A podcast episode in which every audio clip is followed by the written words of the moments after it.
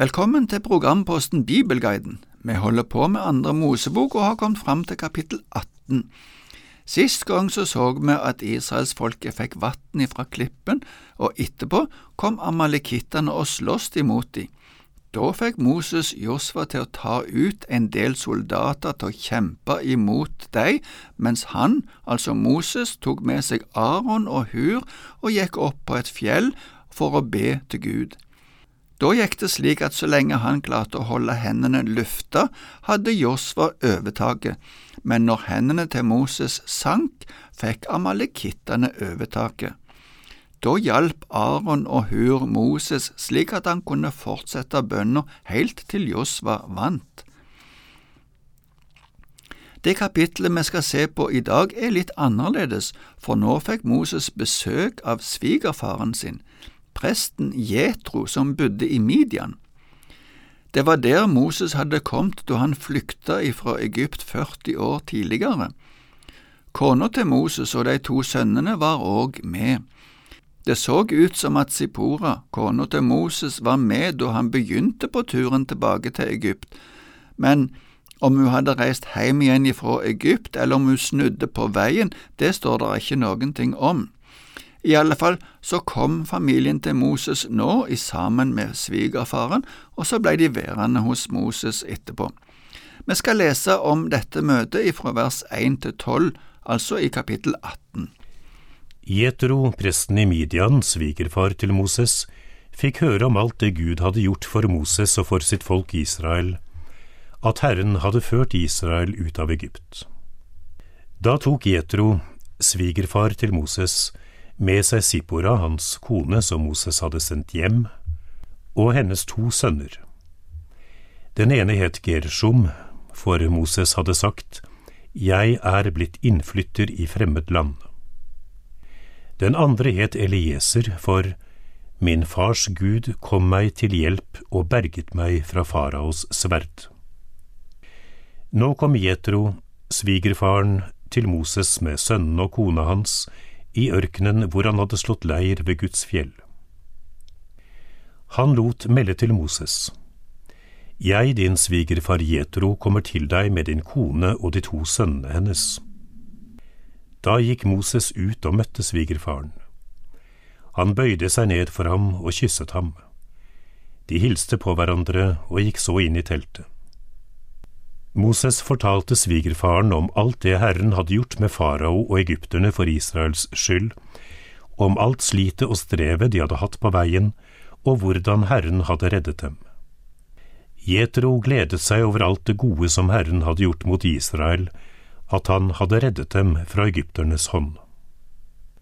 Jetro sa, Velsignet er Herren som har reddet dere fra egypterne og fra farao, og som har reddet folket fra undertrykkelsen i Egypt. For egypterne handlet i overmot mot dem, men nå vet jeg at Herren er større enn alle guder. Jetro, svigerfar til Moses, bar fram brennoffer og slakteoffer for Gud og Aron og alle Israels eldste kom og spiste med ham for Guds ansikt. Før svigerfaren drog hjem igjen, ga han et råd til Moses, men det skal vi se på etterpå. Men her fikk altså Moses besøk. Som nevnt før vet vi ikke når Sippora reiste hjem igjen, men nå kom hun og sønnene til Moses. Fra nå av regnes sønnene med i slektsregistrene til Israel. Den andre sønnen, som vi her ser heter Elieser, har vi heller ikke fått navnet på tidligere. Elieser betyr Min Gud er hjelp. I den teksten som vi leste, forklarer Moses grunnen til navnene til de to sønnene. At Moses snakker om bergingen ifra faraos sverd, kan være en henvisning til at han klarte å flykte den gangen for lenge siden, slik at han unngikk å bli drept, men det kan òg være noe han legger til nå, etter at han er blitt frelst ifra farao og Egypt for godt. Moses var lederen for et stort folk, og Jetro ser ut til å ha stansa utenfor leiren og sendt beskjed inn til Moses. Men som Moses sin svigerfar hadde han en viss autoritet over Moses. Kanskje du husker at Moses ba svigerfaren om lov til å reise til Egypt etter at han hadde fått kallet ifra Gud. Den gjentatte bruken av ordet svigerfar kan tyde på at det er snakk om en viss autoritet. Det ser òg ut for at møtet var hjertelig og godt, men samtidig, når det står at Moses bøyde seg, viser det at han hadde respekt for svigerfaren.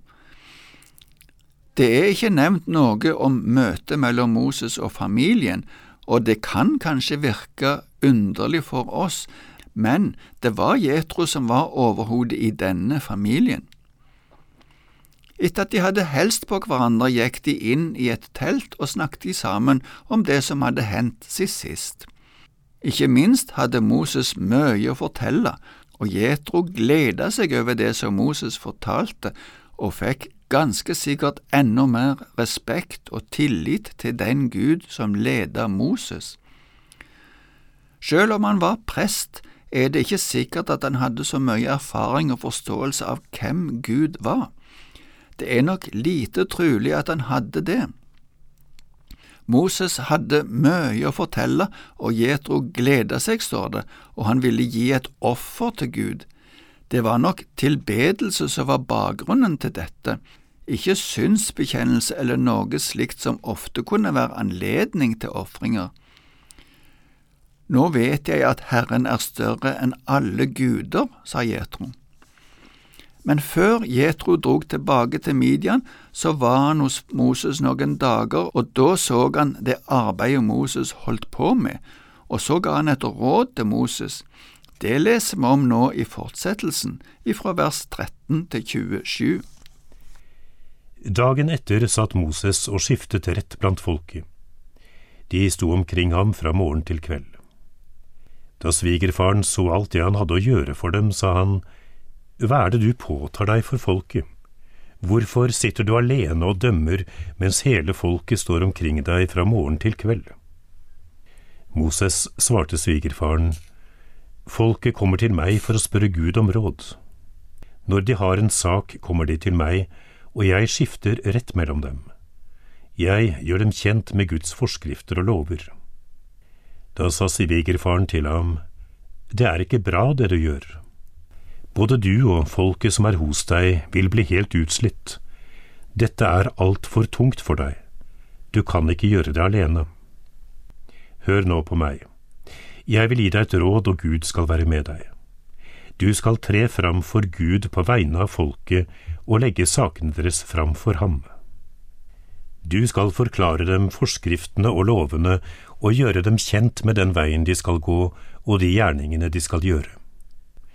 Men du skal se deg ut dyktige menn av hele folket, menn som frykter Gud, er pålitelige og hater urett vinning. Du skal sette dem til å være førere over tusen, hundre, femti og ti. De skal skifte rett blant folket til enhver tid. Hver stor sak skal de komme til deg med, men hver liten sak skal de dømme selv. Slik skal du lette byrden for deg og la dem bære den sammen med deg. Hvis du gjør slik, og dette er Guds vilje, kan du holde ut, og da kan alt folket her vende hjem i fred. Moses hørte på svigerfaren og gjorde alt det han sa. Han valgte ut dyktige menn av hele Israel og satte dem til overhoder for folket. Noen skulle være førere for tusen, andre for hundre, femti og ti. Og de skiftet rett blant folket til enhver tid. Hver vanskelig sak kom de til Moses med, og hver liten sak dømte de selv. Så lot Moses svigerfaren dra, og han gikk hjem til sitt land. At Moses skifta rett, betyr at han dømte mellom de som hadde forskjellige uenigheter, eller kanskje at han fortalte de hva som var rett. Det var tydelig at Moses var drevet av et ønske om å gjøre alt så godt som mulig, og han sto på ifra morgen til kveld med å forklare folk i leiren hva som var rett. Det kan virke som at Guds lover og forskrifter i utgangspunktet var ganske generelle, men at Moses klargjorde anvendelser av dette i det daglige livet. Det er interessant å se den samtalen som fant sted mellom Moses og Jetro. Jetro har omsorg både for Moses og for folket, og sier at dette er slitsomt for alle parter. Derfor gir Jetro et råd til Moses om å delegere noe av ansvaret videre til andre personer som han kan lære opp. Jetro har mye erfaring og visdom, men han tar òg med sin nye forståelse av Gud, og legger til at de må ta hensyn til både om dette er Guds vilje, og at de som de skal delegere dette til, må være opptatt av å følge Guds vilje. De skulle lage et hierarki der noen ble ledere for store grupper og andre for mindre grupper, men de skulle få opplæring av Moses, og så skulle disse lederne så undervise i sine grupper. De kvalifikasjonene som blir nevnt, kan minne om det som ellers nevnes om kjerkelige stillinger i Det nye testamentet. De skal være dyktige, og de skal frykte Gud. Videre skal de være pålitelige, og de skal hate urett vinning. Hvis du gjør slik, og dette er Guds vilje, kan du holde ut, sa Jetro. En ordning som mennesker setter i verk, måtte være i overensstemmelse med Guds vilje hvis han skulle fungere. Da ville det føre til fred iblant folket. Moses oppfattet dette som et godt råd. Han fulgte dette rådet og organiserte folket slik at de fikk ledere på forskjellige nivå. Om noen saker var vanskelige i det nivået de kom opp i, kunne det bli tatt opp i et høyere nivå og til slutt hos Moses. At Moses hørte på Jetro, viser at han var villig til å lytte til andre. Det er òg noe vi bør ta med oss som en god egenskap. En som har et lederansvar, trenger ikke å gjøre alt sjøl, men må lytte til råd og innspill fra andre så kan jo dette eventuelt vurderes om det kan fungere eller ikke, og så velge om det skal settes i verk. Det er òg viktig å ta med den sammensetningen mellom Guds vilje og menneskelig visdom. Om vi ser noe som en god plan, er det likevel viktig å vurdere om det stemmer med Guds vilje. Etter dette reiste svigerfaren tilbake til Midian. Moses har store oppgaver foran seg, og det skal vi se på videre, for nå er de kommet til Guds fjell Horeb, der Gud hadde sagt at de skulle tjene Han. Neste gang skal vi se litt på det, men nå får vi slutte for i dag. Takk for nå, og Herren være med deg.